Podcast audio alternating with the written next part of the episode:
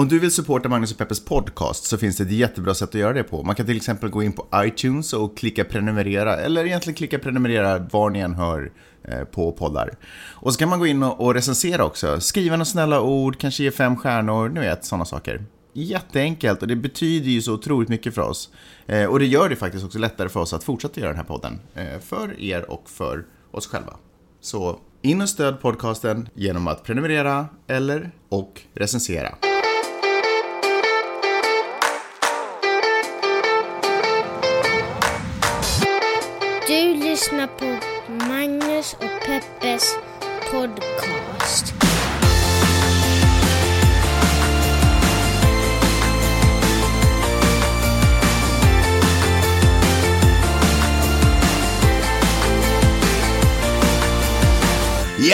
Då är vi tillbaka igen. Magnus och Peppes podcast i era öron.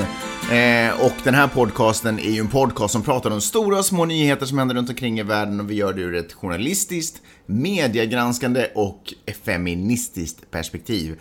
Jag heter Magnus Silvenius Öhman. Och jag heter Peppe Öhman. That's the truth right there. Just nu sitter vi i Santa Monica. Du kommer inte sitta i Santa Monica allt för länge till. Om några timmar flyger jag till Stockholm. Mm. Är, du, är du glad och lycklig nu äntligen när du får komma bort ifrån din familj? Alltså jag tror- Åka typ så här, okej, Norwegian har inte första klass, men ändå premium. Okej, jag kommer med ett tips förresten. Nu för tiden kan man buda på Norwegians, eh, Norwegians premium-säten. Alltså om vi sitter längst fram i flyget och blir lite trevligare behandlad, så kan man sätta in ett bud och sen eh, 36 timmar före avgång så meddelar de om ens bud har gått igenom eller inte. Och då kan man sätta ett skambud, vilket jag gjorde. Och eftersom Det var, det var väl inget skambud? Ja, hälften. Du satte 50% mot vad det brukar kosta. Ja. Ja, Jag, sa att jag betalar 200 dollar för att bli uppgraderad. Ja. Det är väl ändå helt okej? Det är fasiken helt okej. Om man inte har, om man ska åka över Atlanten och inte ha 200 dollar över, då ska man inte åka över Atlanten. Nej. Jag. Det tråkiga är att nu har du ju inte 200 dollar över längre nu när du åker över Atlanten, Nej. för du satte allting på resan. Men hörru, alltså jag har haft sån ångest över att åka och det kändes faktiskt lite bättre med att åka i premium. Ja, absolut. Det, det förstår jag. Jag ju legat vaken på natten och tänkt på att när jag är borta kommer det att bli ett kärnvapenkrig för att Trump bråkar med Nordkorea eller så kommer den där stora jordbävningen att ta er eller en Jag tsunami. tänkte, precis, jag tänkte precis säga, vem tror du har mer ångest? Du eller Donald Trump just nu? Fan, Donald Trump tror, Tror jag. Jag tror att han... Eller vänta, vad heter eh, Sydkoreas typ president eller någonting? Vem tror du har mer eh, ångest? Sydkoreas president eller du? Ja, ja han, hen har nog mer ångest än jag. jag tror också det. Men, bra eh, jobbat med uppgradering. Men där måste jag ju säga att eh, bara att åka utan barn i liksom Monkey Class är, Är en ju uppgradering. Ja. Så du gjorde ju verkligen en dubbeluppgradering där. Till priset av 200 dollar. What? Tänk om, alltså nästa gång, om jag, när vi, hela familjen åker, om jag kunde ge någon 200 dollar och så behövde jag inte sitta med hela vi. familjen. Och så bara, puh. men alla kommer med, men så bara, puh, för resan. Och så får jag ändå sådär ett litet glas juice eller champagne och våtservetter. Ja, men du tycker ju om att sitta med oss och ta hand om oss. Du förvandlas ju till den eh, omhändertagande, eh, vet vad jag ska kalla dig, patriarken. Du bara “alla det bra, alla det bra, Peppi har tagit med en extra Jag filt till tycker dig”. om att göra det. Vad fan snackar Ja, du om? du känner dig verkligen som familjens överhuvud. Du bara ser till att allt är i sin ordning. Jag Plockar måste- fram lite snack, Jag- lite vatten. Ja men Peppe, du tycker ju om att plocka undan här efter oss här i hemmet. Du tycker ju om att känna att du liksom gör lite extra än vad alla andra gör. Ibland måste ju någon göra det, för annars blir det ju inte gjort, Peppe. Take a knee. Tycker ni? Take a knee. Tycker ni? Tycker ni? Everybody, everybody, tycker ni? Det är ju det det senaste just nu i Ja. USA. Det om man är handlar- idrottare. Ja, men precis. Det handlar om att eh, många idrottare, speciellt NFL-are, har valt att protestera mot polisvåldet genom att eh, under nationalhymnen gå ner på knä. Mm. Eller ställa ena knä ner. Som om de skulle fria till någon. Ja, eller, ja, alltså om vi ska ge en korrektare referens, för att fria är ju ändå en positiv sak där man försöker få någon... Ja, men man gör ju samma ställning. När jag friade till dig gjorde jag ju så till exempel. Det gjorde du inte, du satt ju och skakade på en ett soffkant. Strunt samma. Eh, när det är amerikansk fotboll och det är kickoff och bollen, ena laget står på andra, ena sidan av planen och den andra laget står typ på andra sidan av planen och det första laget sparkar iväg bollen så långt de kan. Eh, och det andra laget tar emot bollen och ska börja springa så att de kommer så högt upp i banan som möjligt. Om de helt plötsligt känner att eh, nu är jag, om springaren känner att nu är jag super eh, omringad och jag orkar inte ta en massa smällar. Så då kan han sätta ner ett knä i marken. He takes a knee. Och eh, det betyder att bollen, har, bollen är liksom där. I pass. Liksom, så här, nu, nu får det vara nog, ungefär. Så är bara det kommer ifrån. Jaha, ser man på? Du har läst på inför den här podden. Nej, men jag kollade lite på fotboll. Jag såg bland annat Super Bowl-finalen. Ser man på... I alla Jag fall, hör- hörde suset av imponerade människor i Finland. jag tror att folk bara stängde av den här podden. ja, exakt. I alla fall, anyway. för ett år sedan så var, det, var quarterbacken Colin Kaepernick den första med att göra så här. Han Mm. vägrade att stå upp när nationalhymnen spelades för att han protesterade obs fredligt mot polisvåld. Det här ledde till att han fick sparken. Mm. För det är oacceptabelt tydligen att göra så här. Och nu är han svartlistad. Ett år senare gör allt fler det här. Fler och fler, fler idrottsmän vägrar att ställa sig upp för de tycker att uh, polisvåldet eskalerar och de tycker att det måste bli ett stopp på det här. Eh, samtidigt håller Donald Trump ett tal i Alabama där han säger att han fördömer alla de här fotbollsspelarna eller idrottsmännen på det stora hela och tycker att de ska få sparken och uh, de inte ska bli inbjudna till Vita huset. För ofta är det så att det laget som vinner hela ligan får en inbjudan till Vita huset och det är en jättestor heder. Men äh, till saken hör att, att flera idrottsmän har också sagt att även om de vinner och om de blir inbjudna till Vita huset så kommer de att tacka nej för de tycker att det är en disgrace det som håller på och sker, det som sker just nu i landet och att Donald Trump bara delar landet mer genom att äh, Genom att säga att det också finns goda typer i nynazistmarscher och att äh, det är opatriotiskt att äh, gå ner på knä. Man hatar USA om man går ner på knä. När de faktiskt, det är faktiskt ingenting med USA att göra, det handlar bara om som en protest mot polisvåld. Ja, fast det har lite med USA att göra, för det, att stå upp är ju att hedra flaggan och visa att man är stolt över landet. Och det faktum att de går ner på knä säger de ju att just nu så är vi inte stolta över det här landet, därför att det finns ett stort problem. Svarta På grund av polisvåldet. Ja, Ja, det är ju- okej. det är Men i, i förlängningen kanske, men mest handlar det ju direkt mot polisvåldet mot svarta Ja, ja, precis. män. Och kvinnor. Ja, ja, men precis. De är inte stolta över att landet inte tar tag i den här situationen. Att, Och, eh, nu, nu liksom, och det är ju otroligt fascinerande det här för att, man, för att eh, USA älskar ju idrott. USA älskar speciellt basket och amerikansk fotboll. Mm. Det är liksom som en, som en religion i det här landet. hockey och baseball också. Men hockey, det är väl uppe där norr kanske, men man är väl inte så galen i hockey här ändå. Hä? Det vet väl till och med du, Magnus? Det verkar som, om man tittar på deras lönecheckar, så verkar det som att folk är ganska intresserade av sporten i alla fall. Ja, ja. I alla fall, så eftersom folk älskar sport så mycket och däremot är de här riktigt stora stjärnorna hjältar, de är nästan helgon, och nu att Trump går emot dem och kritiserar dem ska bli spännande att se om det påverkar hans understöd överhuvudtaget. I och med att folk är ju också över men vad fan ska liksom, ska Trump verkligen gå på enskilda idrottsmän? För han har verkligen gjort det på sin Twitter-feed, har han hängt ut liksom enskilda idrottsmän och, och eh, det är ju faktiskt jättekonstigt. Att är han verkligen så dum och så småsint? Men nu börjar folk också fundera på att handlar det här om att eh, han egentligen eh, bara vill distrahera folk från det som håller på att ske med, med hälsovårdsreformen. Ja. För nu håller de på samtidigt i kongressen och, och röstar för tredje eller fjärde Eller gången. Nordkorea, eller hans inflygningsförbud, och- eller Ja. mot Venezuela. Han har ju massvis med saker på gång, På gång. säga. Men vet du vad, jag tror faktiskt att, att man, om man tror att det är en strategi, tror man lite för mycket om honom. Tror du? Ja, jag tror verkligen att han, han tar... Han är, han, är en, eh, han är en mindful person. Han lever verkligen i nuet. Han bara carpe diem, nu känner jag så här, då twittrar jag ut det. Det finns liksom ingen grand plan hur han ska Mm. Tror göra. det? Jag tror Jag tror att han har lärt, sig det där i mediavärlden på något sätt. Att om, om någonting inte riktigt går som man vill på ena hållet, då börjar man vifta jättemycket. Det är ju sådär som trollkarlar håller på. Det är därför de kommer undan med sina tricks. Ja, fast han är ju så, så otrolig populist så när han stod i Alabama. Fast han är där- ju en underhållare. Där gillar ju folk, alltså i Alabama gillar ju alla honom, och där är man ju rasister, så där, eh, för att nu inte generalisera för mycket, men lite alltså i södern. Så när han säger sådär att fan de där jävla, de där jävla idrottsmännen som inte, som är opatriotiska, folk Mm. hurrar och så får han liksom, han är ju liksom en bekräftelsehora kan man ju säga. Ja, för att han är en underhållare. Det är det jag tänker. Men jag tror faktiskt inte han har en strategi. Nej. Varför tror du det? Varför? Alltså jag vet inte. Därför att, eh, fan vet jag. Men eh, vadå varför? Det är en jättesvår fråga att svara på. Försök. Eh, varför vadå? Vad var frågan? Men vad baserar du din känsla av att han har en, en strategi på?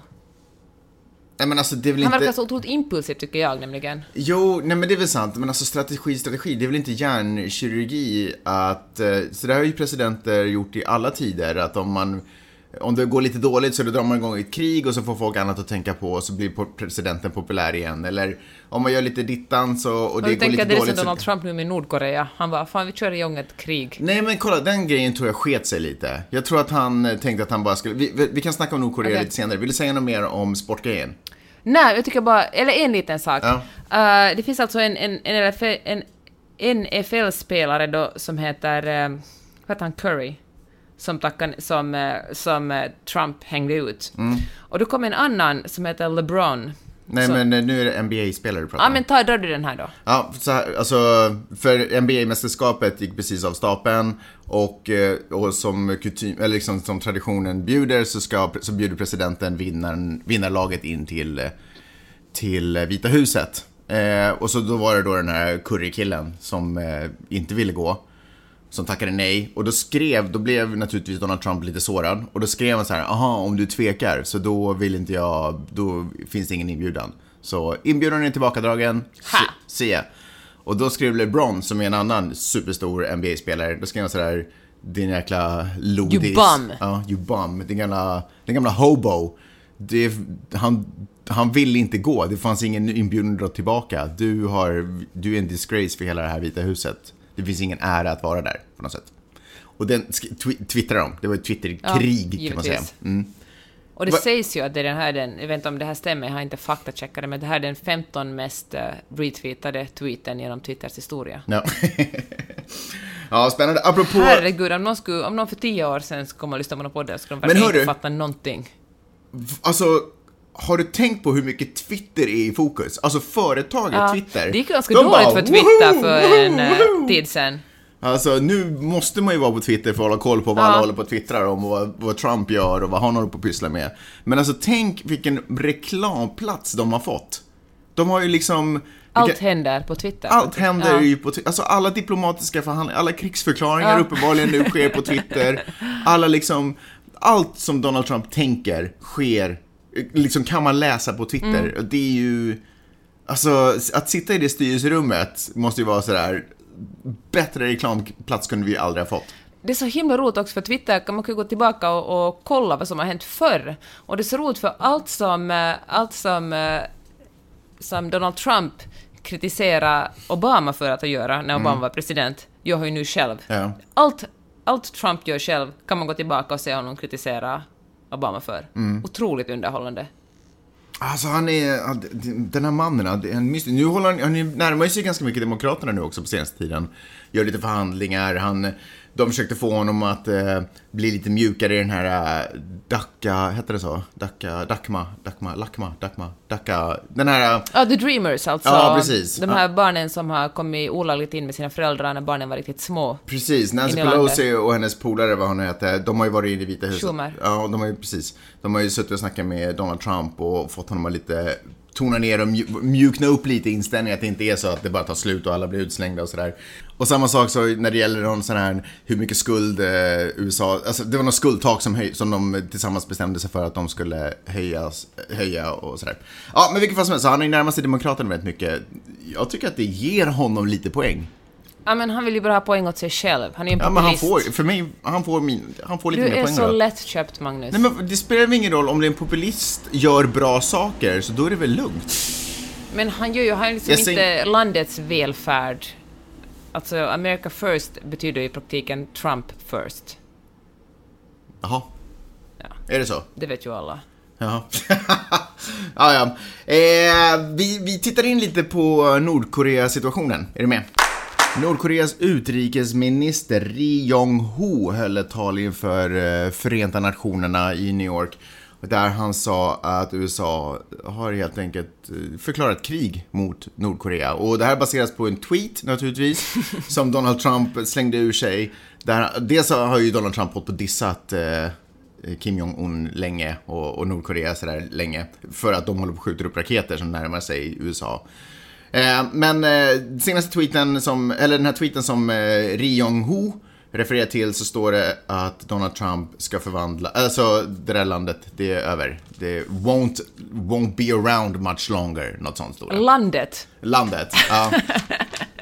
Alltså Och- det är ju lite absurt ändå. Men det måste man väl ändå säga, det är ju en krigsförklaring. Det känns lite hotfullt. Ja, alltså lite hot. Alltså, Vi kommer att förgöra ditt land. Men om du tittade på mig och sa Magnus, du kommer inte finnas mycket längre till. Alltså det är ju ett hot. Ja. Det är klart att det är ett hot. Och när det kommer till länder och diplomatiska förbindelser så är det ju en krigsförklaring. Ja. Så där har de ju helt rätt.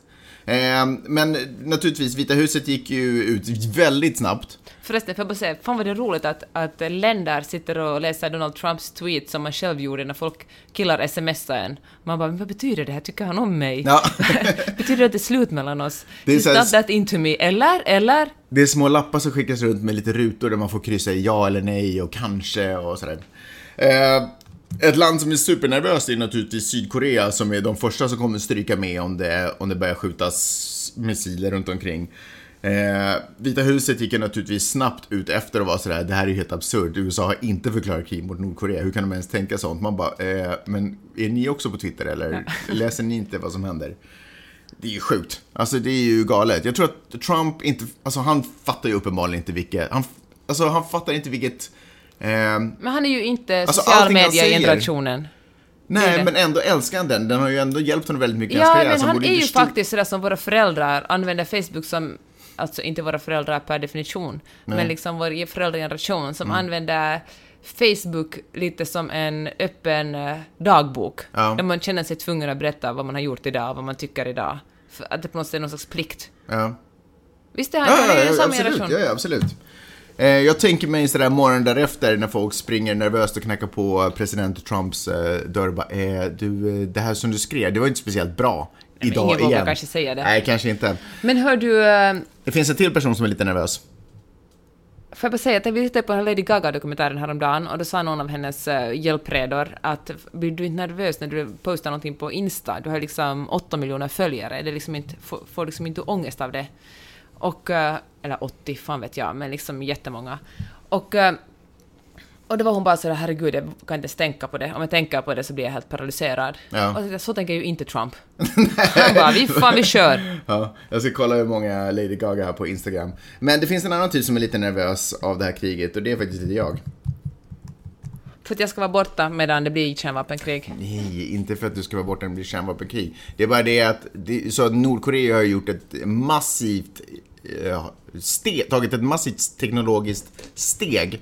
Eh, nu kan de helt plötsligt utrusta missiler med kärnvapen och dessutom kärnvapen som är sådär massvis med en hög siffra gånger det som Hiroshima var. Och Hiroshima hade en ganska stor, gjorde ett ganska stort intryck i Japan om vi säger så. Eh, och nu har de ju dessutom lyckats nå längre med sina missiler och det sägs att de till och med når amerikansk mark. Och nu undrar jag om de menar fastland eller om de menar någon ö. Alltså jag menar inte att jag kan Du, offra någon Guam ö. och Hawaii är okej för dig. Det är inte okej för mig, men det är mer okej för mig än om en missil skulle landa i det självklara valet på västkusten, nämligen Los Angeles. Du tror inte San Det Francisco de siktar på då? Det finns inte en chans att de siktar på San Francisco. Det finns inte en chans att de väljer någon stad uppe i Alaska. Och det finns inte en chans att de väljer Seattle. Men hör du... Los San- Angeles är det givna valet. Men alltså, San Francisco är ju... De har ju Silicon Valley. Det är ju ändå ganska attraktivt att förgöra Silicon Valley. Ur vilken synvinkel men där då? finns ju allting. Alltså det enda USA tappar är ett gäng nördar. Det är ju ingen som... Nej, jag, nej men alltså det är klart. Det skulle göra stort, säkert ekonomiskt Daniel och Ann bor där. Det Jag vill vi inte. Jag vill inte att det ska hända, men jag känner så här, de är trygga. Det som är en, en, alltså om det är någon stad som är en symbol för USA, det är ju typ New York, Washington DC i egenskap av huvudstad och Los Angeles. Houston, Texas i och för sig, men dit når de inte. Men Los Angeles. Det är ju verkligen, det är ju Sodom och Gomorra stadifierad. Ja, ah, kanske det, men här... Men smaka på det, smaka på det. Eh, du vaknar upp en morgon och läser i tidningen att San Francisco finns inte längre. Man bara, Ah, "Va? tråkigt. Ja. What? Och så vaknar man upp en morgon och läser Fast vi att, vaknar ju inte upp just den morgonen. nej, och så vaknar man upp en morgon och läser att Los Angeles inte finns längre. Då bara, what? Alltså anledningen till att 9-11 blev stort var ju för att det hände i New York.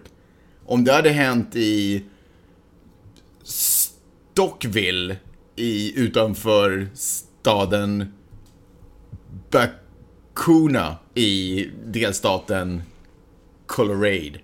Du vet, det, man bara, ah, åh nej, nu föll, vad konstigt, vad tråkigt. Men det blev ju stort för att det var New York. Om, om, om, om, Men å andra sidan, jag menar, du tror att, att eh, om, eh, om Nordkorea skulle släppa ner en, en bomb, en, om det skulle bli kärnvapenkrig, så skulle folk glömma bort det om det var San Francisco. Om ett, ett år senare ska folk bara, men det var någonting som hände hösten 2020. men jag tror inte att vi har vant oss lite vid tanken att San Francisco kommer glida ut i havet snart. Alltså San Francisco är ju Fair en stad enough. som lever på lånad tid. Ja. Så vi har, jag tror att vi har liksom, vi har gått igenom den sorgeperioden redan. när, det, när någonting händer med San Francisco ser man sådär, "Mwah, it was kind of bound to happen. Liksom, det är ju tråkigt förstås för hela gaykulturen Du där menar uppe det och, som, och Silicon en, Valley. det är som en, eh, en jättegammal släkting som man visserligen gillar, men ja, fan, man vill inte att den ska försvinna, men det kommer ju hända. Ja. Los Angeles har ju ingen dödsdom vilande över sig på det sättet. nej, men alltså den där jordbävningen vi- i och för sig. Ja, men det, det är liksom, vi pratar om några hus som kommer raseras. Vi pratar inte om att USA kommer se annorlunda ut. Liksom. Jag älskar förresten när du tröstade Gunilla här för några veckor sedan när var jordbävning här, det var att ingen dör någonsin i jordbävningen, du behöver inte oroa dig. Ja. Ett dygn senare, hur många personer dog i... Flera hundra personer dog fast jag, jag sa ju att ingen dör i Los Angeles i jordbävningar, sa jag. Faktiskt, om vi ska vara helt ärliga. Men, fine, vrid och vänd mina ord. Du är som en, du är som en Trump.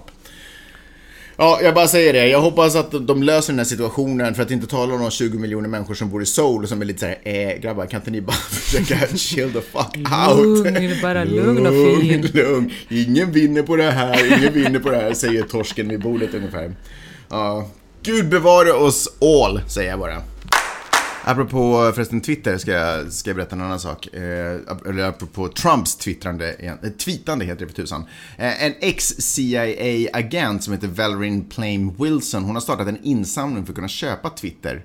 För att sen i slutändan kunna stänga ner Donald Trumps Är det konto. sant? Ja, hon är bara, hon, hon skrev så på sin blogg eller någonting om att hon att han är så fara för samhället och det är liksom, eller för- rikets säkerhet, liksom, nationens säkerhet. Eh, och eftersom Twitter vägrar följa sina egna stadgar om uppvigling och all sådana här saker. Så intressant det där faktiskt. Så känner hon att hon måste ta saken i egna händer. Så hon har startat en, eh, man kan supporta henne faktiskt på, vi ska se om jag, ah, jag skrev aldrig ner vad det är, men, men det är någon sån här fund me ungefär. Ja, en Kickstarter. Ja, liksom. en, en, en liten sån grej. Ja, men fund me, liksom. Eh, och då, målet är att få ihop en miljard dollar, för det är vad Twitter vill ha för sitt företag. Och just nu så hon, eller senast jag kollade så hade hon fått ihop 88 920, det är säkert lite mer just nu. 88 000, Det är i alla nästan fall 89 början. 000 dollar. Ehm, så, och apropå det, man kan, man kan gå in och supporta den då förstås. Ni får väl googla lite så hittar ni den. Och sen när ni ändå håller på att göra det så kan ni gå in och, och supporta vår podd. eh, tycker jag. Eh, och det kan man göra antingen gå in på paypal. Nej, alltså ja, paypal.me snedstreck magiprod. M-A-G-G-I-E prod. Eh, om ni har Acast-appen så kommer länken upp just nu och då kan ni bara klicka på appen så kommer ni dit. Och så kan ni, eh, kan ni gå in och, och betala lite för att ni lyssnar på den här podden. Ni kan också gå in på janetteohman.com och i högerbalken där så då har ni två Paypal-symboler som ni kan nyttja Och efter tack bästa- alla ni som har gjort det, som Kai, Natasha, Klara. Står du Kai? Ja, Ja, Okej, bra. ja men verkligen, alltså eh, ingen nämnd, ingen glömd för att eh, det uppskattas otroligt mycket och jag, jag är ju otroligt personligen jätteglad för alla ni som går in och prenumererar, dels på podden då, men också eh, subscribe, alltså genom att betalprenumerera för 2,80 i månaden. Det är ju faktiskt inga pengar eh, om man tänker efter. Det är ju superlite. Så tack så otroligt mycket för att ni gör detta. Det här betyder otroligt mycket för oss. Eh, och eh, ja, hjärta, hjärta, puss, puss. Mia Skäringer har gjort sig lustig över Blondinbella, eller Isabella Löwengrip, eller Isabella Löwengrip, nej Isabella. Isabella Löwengrip. Eh, Isabella Löwengrip gjorde en reklamfilm som hon postade på sin blogg där hon eh, promotar en barnvagn. Och eh, så gjorde Mia Skäringer en grej på Instagram där hon eh, Ja, hon gjorde väl sig kanske inte riktigt direkt lustig över Isabella så rakt av, men hon gjorde sig lustig över liksom hur de här uh, unga influencerna, jag vet inte ens om man böjer det ordet, hur de kanske tilltalar sin publik när det kommer till att sälja produkter och så. Uh, man kan gå in på Mia Skäringers Instagram, så då hittar man det klippet, så kan man lyssna på den. Isabella tog i alla fall otroligt illa vid sig. Hon tänkte att det var personligt, att det var henne hon hade gjort, som Mia hade gjort sig lustig över och tycker att det är dålig stil och skrev på sin blogg om att tjejer borde hålla, eller Mia borde hålla andra tjejer om ryggen. Vad säger du Peppe? Men det här är ju det här Hanna och Amanda Syndromet? som vi kallar det i den här podcasten. Nej men du kommer ihåg, de sålde någon slags... eh, Nej men det är ju vad det än handlar om. Så fort någon dissar dem är de Vitaminpiller. Ja jätteledsna. men så är de sådär åh, ni är antifeminister. Ja. Om ni kritiserar oss, eller någon kritiserar, recenserar, de fick en negativ recension på sin bok och så blir de superarga för det var ofeministiskt Mm. att uh, kritis- recensera deras bok negativt. Och det här är lite samma sak faktiskt. Jag menar, det som Mia man ska, Kvinnor ska kunna göra, skoja om andra kvinnor. Man ska kunna göra humor. Nu vet jag att det låter som en sån här stand-up komiker snubbe som är så här, haha, man ska kunna skoja om allting. Men det är inte... Ja, vad är det för skillnad på dig och, och det? Därför att kvinnor på något sätt, bara för att man är kvinna förväntas man älska alla andra kvinnor och hålla alla andra kvinnor ryggen. Det är inte det som är, det, det som är feminism är när man, eh, det ska vara antifeministiskt av Mia Skäringer att ha ett företag där hon betalar männen mycket mer än kvinnorna trots att de ut, utför samma uppgifter. Även att fast de skriver superbra. Fast hon skriver superbra skämt, för det finns säkert en kvinna som skriver minst lika bra skämt. Eller att ha en styrelse med bara snubbar. Mm. Eller liksom, det, det ska vara antifeministiskt. Att, eh, att skoja på en annan kvinnas eh, bekostnad, nej, det är Men inte att peppa och antifeministiskt. supporta är väl också ett sätt att Men det är bedriva ingen... Eller är det? Alltså, det, vad är svårt Det det, är det där? väl. Klart man kan, men det ena utesluter ju inte andra. Bara för att hon har gjort ett skämt om Blondinbella, eller Isabella Löwengrip, så betyder ju inte att hon inte kan eh, peppa och heja henne eller andra, på andra kvinnor. Jag menar, att vara kvinna betyder inte att man måste vara den godaste människan i hela världen och liksom... Kvinn... Nej, jag tycker, Nej. Det där låter, jag tycker det där låter skumt. Hur då? Jag tycker att det finns all anledning att man inte håller på och skjuter ner medsystrar som, försök, som försöker ta som ner... försöker, men det tycker jag också handlar nu om en, en grej om status. Skulle, skulle Isabella Löwengrip inte vara någon, skulle hon vara liksom en, en eh, helt vanlig nobody utan en massa pengar och, då, och Mia Skäringer skulle hänga ut den här personen och sparka på henne, men nu är det ju verkligen en, en väldigt framgångsrik kvinna, Isabella Löwengrip Ja, men det är inte så att det finns alldeles för många av dem. Så behöver man vi- uppvigla människor till, till att förlöjliga den här kvinnan. Men uppviglar man verkligen? Ja, det det var ju hon ett väl. Hon- skämt. Ja, men hon, det, hon är ju inte en, hon är inte en, en råtta på stan som drar ett Alltså, skämt inför tomma öron. Liksom. Feminism handlar ju om att kvinnor ska kunna kritisera varandra. Om, nu tror jag det var humor, inte att det var kritik. Men säg att det var kritik, säg att hon kritiserar Isabella Löwengrips sätt att använda sin eh, influencer-makt till att, folk, att få folk att köpa fler barnvagnar. Mm. Kanske det är helt okej, kanske det finns tillräckligt med barnvagnar på den här jorden, kanske folk konsumerar alldeles tillräckligt som det är. Framförallt så tycker jag att du missar en, en stor poäng. Som vilken då? Eh, Och jag vill bara för protokollet tillföra att jag tycker att du ofta gör det. Ja, ingen, är, ingen tvivlar på att du tycker det. Men här kommer den stora poängen. Jag tycker att det Mia Skäringer har, ska göra i egenskap av humorist, eller komiker, är ju att eh, skoja om samhällsfenomen. Och det som jag tycker Isabella Men det var gör... exakt det hon gjorde. Ja, precis. Men du pratar hela tiden om att man, inte ska, att man får dissa Isabella för att hon är inte företag. kritisera och skoja om, Ja, inte dissa. Fast det jag tycker är skillnaden är att eh, det, det här är problemet med influencers, så det här skrev vi faktiskt också Mia som svar när, när liksom Expressen och Aftonbladet lyfte upp det här. Åh, det är bråk mellan de här typerna.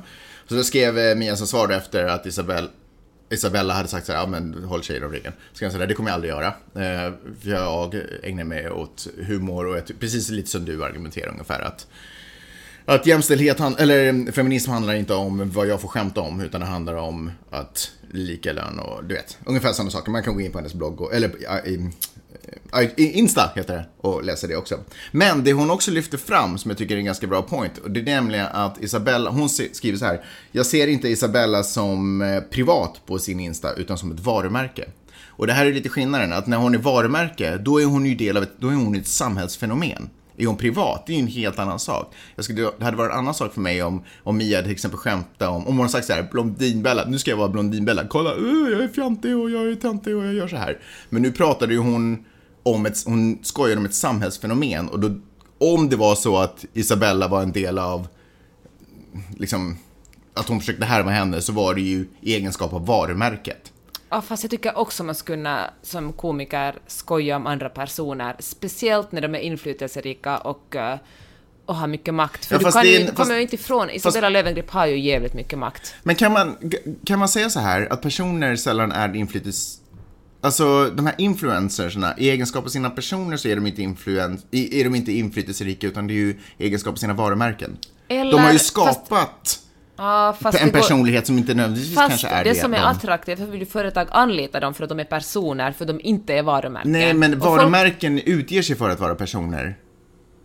Fair enough, men deras, deras deras eh, kontrakt med sina följare är ju att de är personer. Ja, men det, där i, annars, om, en person, om din komp, att det är deras kompisar. Jag, jag förstår vad jag menar, Jag förstår förstår vad du menar, men säga, men liksom Isabella Löwengrip och vem som helst som... Hennes, folk följer ju henne för de tycker de känner henne, eller de tror att de känner henne, de känner kanske exakt. bara varumärke. Som men, och Amanda, vi är era polare och så bara, mm, är ni? köp det här. Ja. Men det är ju också det, är ju det som alla influencers gör. De Ja. skapar en vänskapsrelation och säger Hej, jag är din kompis, jag säger att du ska köpa det här. Mm. Skulle de gå ut och säga att jag är ett varumärke så skulle folk vara mycket mindre intresserade. Det skulle vara Precis. samma sak som att köpa en annons i en tidning som, har mycket, som är mycket mindre effektiv som Mm. när en kompis tipsar om en produkt. Exakt, så det är ju varumärken som spelar personer och inte personer som, eh, som berättar vad du ska köpa. Ja, fair enough. Och det tycker jag är väl fair enough att också kritisera. Men det som Isabella gör här då att hon gör ju, hon blandar ju ihop de här koncepten själv. Så fort när, och han och Amanda och alla andra influencers också kanske eventuellt, att när de sen får kritik, då blir den kritiken på något sätt personlig. Medan när de säljer grejer, då är de inte personliga när de säljer det. Jag tycker att, eh, nu är jag faktiskt inte Isabella Löwengrips PR-person, men eh, fan hon borde ju ägt det där skämtet. Skratta gott åt det och tagit det som en komplimang. De var ju först riktigt stor när komiker började göra skämt, skämta om en. Sen så är jag lite tveksam till om det överhuvudtaget var henne som Mia Skäringer skämtade om. Jag tyckte det kändes som ett allmängiltigt, eh, allmängiltigt sätt att prata. Ni, gå in och lyssna på det, det är semiroligt. Ja, jag tyckte det inte var superroligt, Nej, men, men det är en jag säger att kärringar ska väl all rätt att skämta om vad hon vill. Det är en samhällskommentar. De hade en rolig grej de tog upp i sin eh, podd, Skäringer och Mannerheim tror jag, eller Mannerheim och Skäringer. Mannheimer, Nej, Mannerheim, Mannerheim. du din gamla Finlandspatriot. Mannerheim förstås, förlåt, jag sa fel. I'm sorry. I alla fall, eh, så då skojar de om... Eh, Dra in gamla finska krigshjältar i Ja, jag, varje försöker, jag avsnitt. försöker smyga in dem där.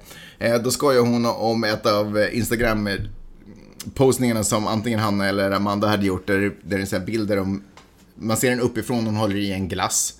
Och så nedanför så ser man- skorna då liksom sådär. Mm. Och båda är liksom, hon, de har liksom matchat glassen med skorna, eller Mm. tvärtom eller någonting. Och så skojar de jättemycket om sådär, ja, men vad fan, måste man, måste man börja matcha sina glassar med skorna då också? Liksom där, vi är så dumma så att vi vill ju liksom, vi söker ju hela tiden vad som är det senaste, vad som är det nyaste, vad är det nu jag ska tänka på, hur ska jag tänka på det? Och eftersom vi inte tar liksom tid att sätta oss ner och bara fundera själva så söker vi liksom råd och, och hjälp Mm. bland influencers som liksom inte har något av våra hjärtan och vårt bästa i åtanke. Liksom. Ja, Men hör du, får jag fråga dig, lyssnar du på, på Kärringar och Mannerheim? Ja, ibland. Faktiskt. Ja. Alla rekommenderar den så mycket. Den är, de är ju super... eh, Plus att man ska supporta kvinnor, eller hur? I den här podden har vi talat mycket om kulturell appropriering Mm. och eh, nu har det kommit till Finland också. Har, har det nått Finland? Ja. Vem är det som har blivit kulturellt approprierad Nej där? men eh, Miss Finland, som, tänk att det fortfarande finns en tävling där man tävlar i vem som är snyggast. Ja. De, eh, nu har, de, har, de har klätts ut i, eh, i så här ursprungs, amerikansk ah, det har blivit populärt att klä ut sig till... Uh, Hövding, vad, vad, alltså en fjäderskrud. alltså det är ju en folkdräkt för någon stam i, i USA. Ja, och Jag vet och- inte ens vilken, det är inte Men, alla. också, man, men det är också ett tecken på att man har nått en väldigt hög status om man har jättemånga fjädrar. Fuck if I know. I alla fall, så nu har de gjort en fotoshoot med, eh, med så här fjäderskrudar. Och eh, blivit kritiserade, såklart folk har ju kritiserat, och speciellt ähm, äh, samerna har kritiserat dem, för de säger att... Mm. För de kan relatera. Ja men verkligen. Ja. Alltså jag menar, finsk humor har ju i många herrans tid har man ju klätt ut sig till en fyllbult till same och dansa in och så alla skratta. Haha, de har alkoholproblem, de där lapparna uppe i Lappland. Mm, just de bara har Ja, alkoholproblem. faktiskt. Kan du bara definiera hur lång en herrans tid är? Uh, vilka sammanhang talar vi om? Det här, har i en lång herrans tid. Ja, Ja, skitsamma. Ja, fortsätt. Det är så länge sedan jag sa det så jag har glömt bort Ja, min egen mening. Fortsätt. I alla fall. Men då har de, men det bästa, det bästa är inte bästa, men kanske det sorgligaste i det här, för att folk är, folk är så otroligt dåliga på att säga herregud, vi gjorde fel, vi har lärt oss av våra Men misstag. Jag tror att det beror på att de inte för, faktiskt förstår. Inte ens i denna dag kommer de förstå varför det här är fel och varför det här är Jag är till och med För sån i vår relation, bara för att det ska bli bra. För de, för de är ju sådär, men vadå, bilderna blev ju bra, tjejerna är ju supersöta de här fjäderskrudarna, vad är problemet? Nej, tvärtom, de menar faktiskt inget illa. Nej, exakt. Men, eh, så de, de, Ja. de förstår inte. De förstår inte konceptet att stjäla och ta av någon annans kultur. De förstår inte varför det gör ont, för Finland har ingen kultur som någon någonsin kommer stjäla någonting av. Man är bara stolt om någon tar ens eh, bastu... Om Ja, du behöver ju inte dissa Finland, men ni har det här i Sverige också. Och i Ja, USA, absolut. alltså kulturell appropriering är ju inget finskt fenomen. Nej, men det är ett ord som vi åtminstone förstår innebörden av i Sverige i många fall. Ja, kanske ni i mediaeliten. Kanske. I alla fall, nu intervjuade de Martina Aitiolehti som är är, hon är chef för eh, hela organisationen. Mm. Och det är hon som hade hittat på att de skulle utse så här, som tar ansvaret, vilket är ju bra att hon claimar ansvaret. Mm. Och, eh, men hon säger så här att nej, nej, det här är inga fjäderskrudar, det här är fantasiskrudar. Jaha. Men, Jag vet inte vad det är för någonting. men ingen vet riktigt vad det är, men liksom det är hennes försvar att alla har missförstått det här, det här är inte alls kulturell appropriering. Fast då är det, då borde man, då är det ju liksom misslyckat. Om man missförstår vad det är man ser. Ja, Det är ju på alla sätt misslyckat. Men, eh, ja.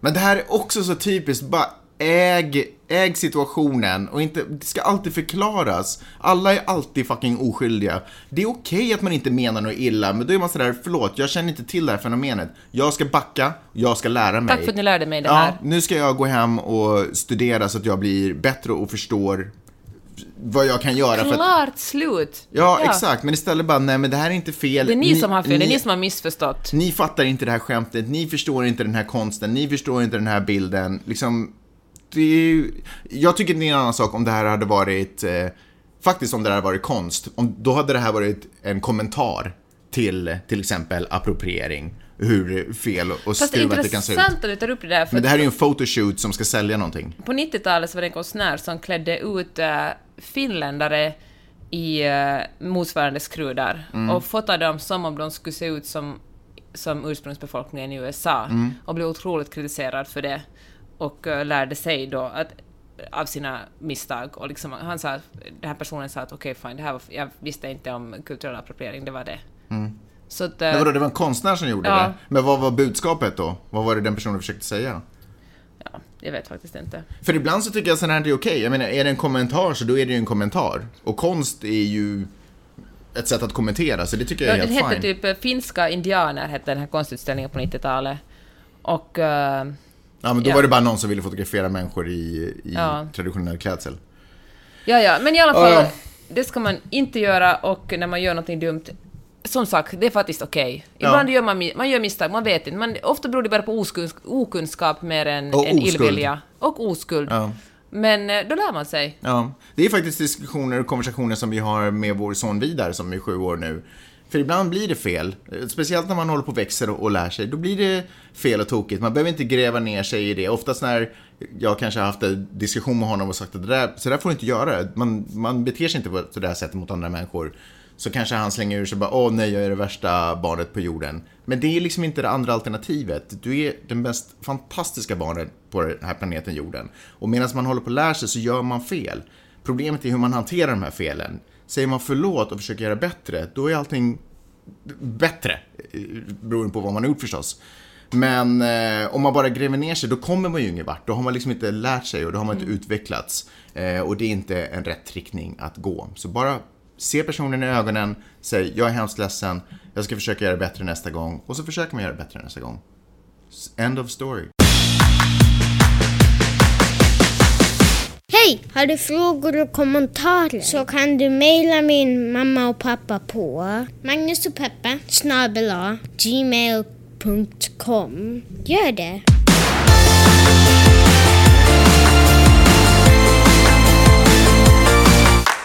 Magnuspeppesnabel.gmail.com Dit ska ni mejla saker som, som handlar om om ni vill kommentera någonting, om ni har någon fråga. Det är ju roligt när ni skickar till exempel läs den här artikeln och säg vad ni tycker om det här, för det här tycker jag känns konstigt. Sånt är alltid roligt. Eh, så gör gärna det, magnusochpeppe.gmail.com och sen skulle jag faktiskt också vilja flagga lite för vår fredagssatsning. Eh, två gånger i veckan kommer vi ut med en podcast nu för tiden, får se hur länge vi klarar det. Allting handlar naturligtvis om det stöd som ni ger för det. Eh, så varje fredag så har ni en till podd i ert öra, eller till avsnitt i ert öra som är liksom fredagsspecialen, där vi ofta har en gäst med. Anita Schumann var med senast. Cecilia Blankens gången innan. Vi får se vem som kommer nästa vecka. Vem tror du? Kan inte göra lite, lite så här...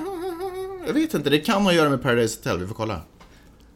Kanske, kanske, kanske, kanske. I alla fall blir det här mer av en nöjessatsning där vi talar, skojar och har oss och talar om eh, nöjesnyheter. Precis, så på måndag pratar vi om viktiga saker och på fredagar Ja, förlåt, tisdagar pratar vi, vi spelar in det på måndagar. På tisdagar pratar vi om eh, viktiga saker och på fredagar pratar vi om roliga viktigare. saker.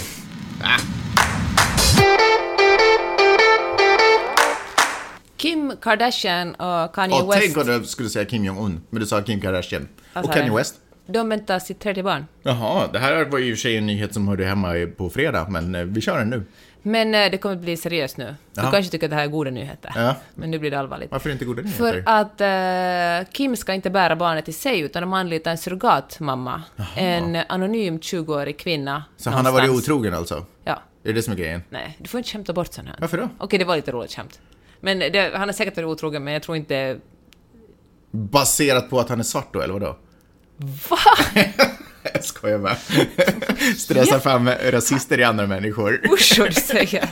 Varför tänker du att han, vänta nu, så många saker nu. Eh, ja, bara reda ut det. Varför, varför tänker du att han har varit otrogen? Men det var ju du som sa Nej, det. du sa, han har säkert Ja, varit men otrogen. jag tänker på Jay-Z och Kanye West, de väl alla knullar runt som bara den. Jaha, Because okej. they can. Du tänker att de är kompisar och det är någonting de gör? Nej men för att de är kända. Jag menar, alla Ja, är kända, kända. män knullar väl runt som bara den. Ja, okej. Johnny skitsam. Depp till exempel, bara för att nämna en snubbe som inte är svart som säkert knullar runt som fan. Mm. Vad hette den här Robin Thicke, han som skrev den där vidriga sången om att ett nej betyder egentligen ja. Ja. Måste räkna upp alla män i Mm. Nej, kändiskretsen som nej jag, vill, jag för försöker gå vidare. Puh, stressigt. Så, så berätta. I alla fall, de, de väntar barn med en surrogatkvinna. Nej, en surrogatmamma. Eller de Mm. ska liksom få ett barn som föds av en annan kvinna, men med deras ägg och spermier. Mm. Och uh, då måste fråga dig, vad tycker du om det här? Tycker du att det är en form av människohandel, eller tycker du att det är helt okej? Vänta, varför skulle det vara en form av människohandel? Eftersom man använder en annan människas kropp och, och köper en annan människas kropp och använder den som förvaring. Människohandel? Men är inte människohandel att man köper en annan människa? Ja, men du hyr en annan människa, så att säga. Nej, jag tycker inte att det är... Fan, det är ju, det är ju ett intress... Det är ju konstigt. Det kan, eller låt säga så här, det är ovanligt. Men... Fast jag, det är inte så ovanligt. fast det- det är ovanligt. Det är inte ovanligt i världen när vi mäter konstiga saker, kanske. Men det är ju ändå ovanligt. Det måste man väl ändå säga. Okej, det är För ganska... annars så förstår jag ju- inte ens varför du har tagit upp den här som en eh, nyhet och någonting du diskuterar. Ja, tala, snacka inte bort den, vi hör din moraliska och eh, etiska tanke kring det här Eh, fenomenet. Först så måste jag bara säga att jag tycker det är så intressant att följa rika människor av just den här anledningen, för de är så kreativa i sin... eh, sin... Jag, alltså jag, vet, jag skulle vilja säga ondska på något sätt, men jag vet inte om det här är ondskefullt. Men hon gör ju det här, är jag helt övertygad om, baserat på noll intel och noll fakta. För att hon inte orkar, hon vill ha ett barn till, men hon orkar inte gå igenom processen och bära. Och det kan väl jag respektera, alltså jag har ju hört dig tycka att det inte var det roligaste på jorden heller. Så jag fattar den grejen. Och om man har pengar, what the fuck, varför inte? Men det är faktiskt inte så himla dyrt. Alltså det är ju ingenting som bara de extremt rika sysslar med. Alltså min kompis Annika har ett, ett, eh, ett par kompisar, som ett, ett, ett gaypar, som, som fick, hade en... eh, Nej, jag vet, Eh, förlåt, ja, säg. Som tog, fick en surrogat, hade en surrogat baby från USA. Mm. Det är ju inte tillåtet i alla stater, det är förbjudet i New York och Kalifornien bland annat. Jag fattar, jag fattar att det inte liksom är den ekonomiska grejen, men det rika har är ju den här självklara inställningen att om jag inte vill göra någonting så då gör inte Exakt, jag då det. betalar jag för det och så gör någon annan det. Precis, eller om jag vill göra det, då fucking gör jag det. Vad det än handlar om. Det är ju mer det som rika Mm. Fair kan bidra enough. med. Att de har ju den här, medan vi andra som lever lite sådär på, på golvnivå är lite sådär, åh, det, är städigt, det är stökigt i det här, i den här lägenheten. Helvete, då får jag väl städa själv. Liksom. Att man har liksom inte val. Medan Kim skulle vara sådär, öak, och så ger hon sparken till en städerska och tar in en ny. Liksom. Ja. Med den grejen. I alla fall. Så, Jag tycker inte att det är konstigt. Men äh, det finns ju, jag tänker jättemycket på en bok som, het, som jag läste för länge sedan som heter Varat och varan, som egentligen handlar om eh, av Kajsa Ekis Ekman, som egentligen handlar om eh, Ursäkta, är det här mellan raderna eller? sexköp. Och det hon också skriver om, om, eh, om surrogatmödraskap och hur det verkligen är, hur det är liksom människohandel och att man köper en annan människas kropp. För det, är ju, det går ju inte att förbise att det är något otroligt eh, känslosamt att bära ett barn och föda ett barn. Vi har ett par andra kompisar här i LA som skulle adoptera en, en, en liten pojke och uh, där den biologiska mamman ändrade sig och tog tillbaka honom. Vilket man kan förstå, alltså det är ju speciellt om det är ens första graviditet Nej, jag tror vilken graviditet som helst så är det ju det är så omvälvande att få ett barn, ett eget barn. Du tror inte att man kommer till så här, nu har jag fem, fan, skitsamma. Kan någon ta den här sjätte? Vi har faktiskt ett annat bekant par här på skolan som, har, som fick också adoption. Som adopterade en liten dotter av ett par föräldrar, så den har tre barn. Och, uh, nu visste, för, och de sa att de har inte råd att ha fler barn, så de adoptera bort det här barnet. Och uh, nu visade det sig att de är gravida igen. Och de bara, hehe, vill ni ha ett till barn? Ja. Jätte, ja.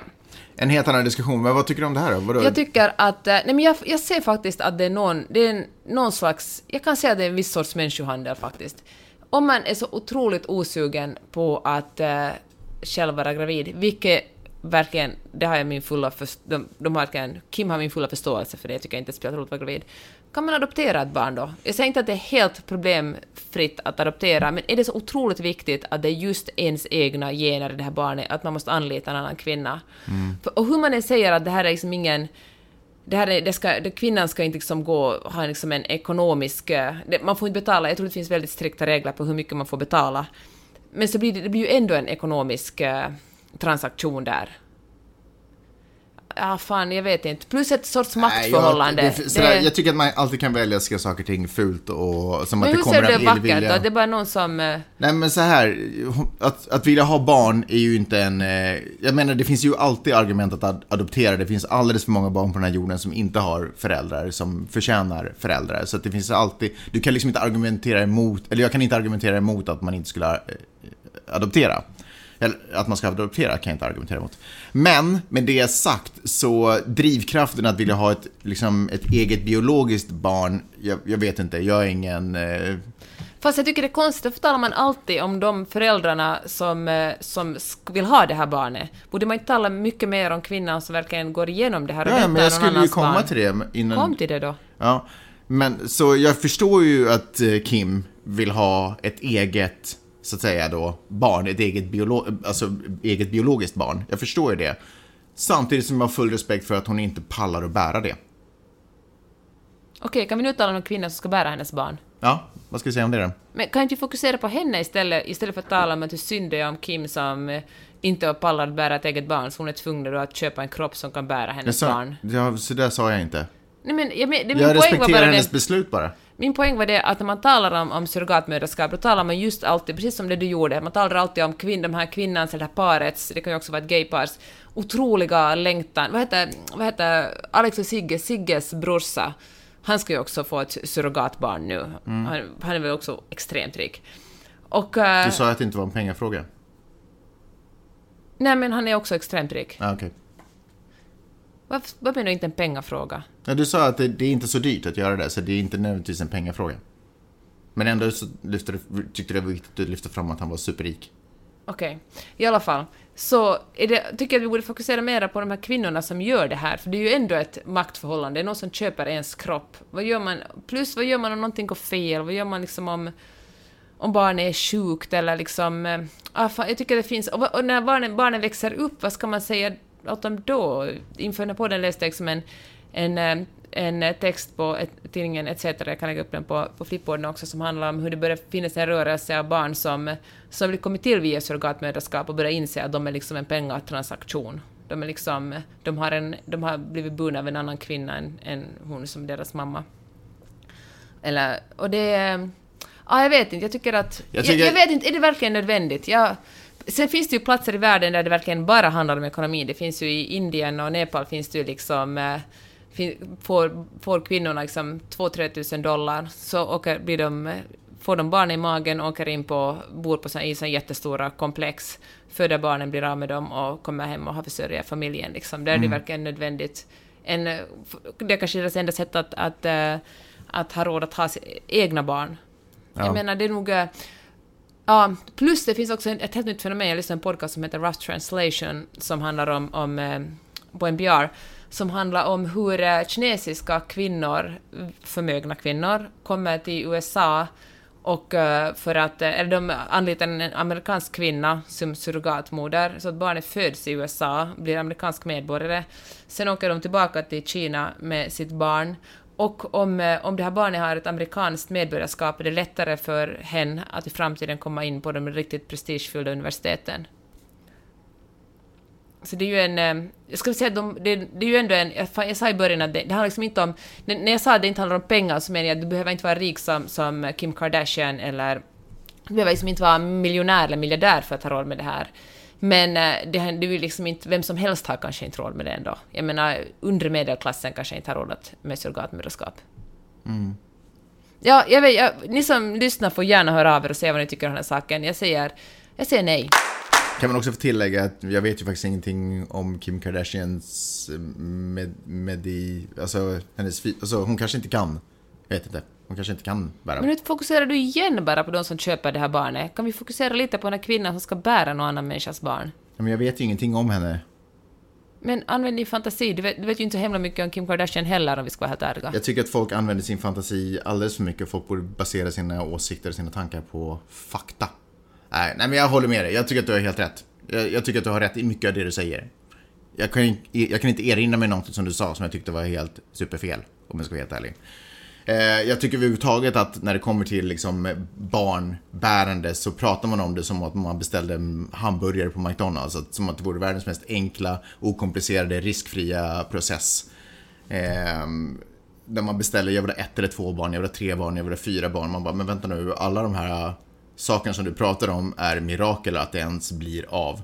Så vissa kanske har lättare för det och andra kanske inte, men men det är fortfarande fa- liksom, riskfyllda processer. Ja, jag vet inte.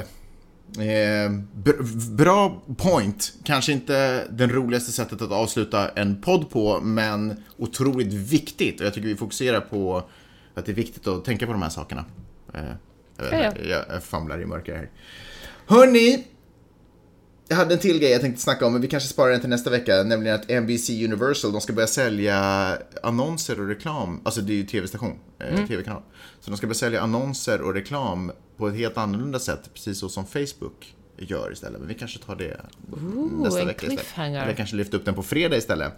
Jag skulle bara vilja avsluta med att säga att jag är så otroligt glad för att du som lyssnar har lyssnat så här länge på podden. Eh, Det betyder otroligt mycket för mig.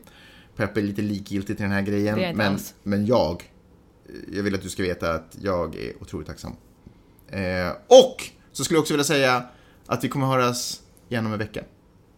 Och då är du tillbaka från Sverige med nya, fylld av historier och upplevelser från eh, Förutsatt att Los Angeles finns kvar då. Det är klart det finns kvar, var inte orolig Peppe.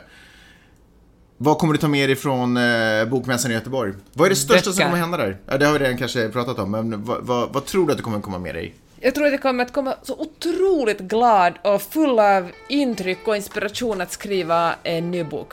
Ja, spännande. Det ser vi alla eh, eh, fram emot. Tack för att ni lyssnade den här veckan. Vi hörs nästa vecka. Sköt om er, hejdå! Hej då!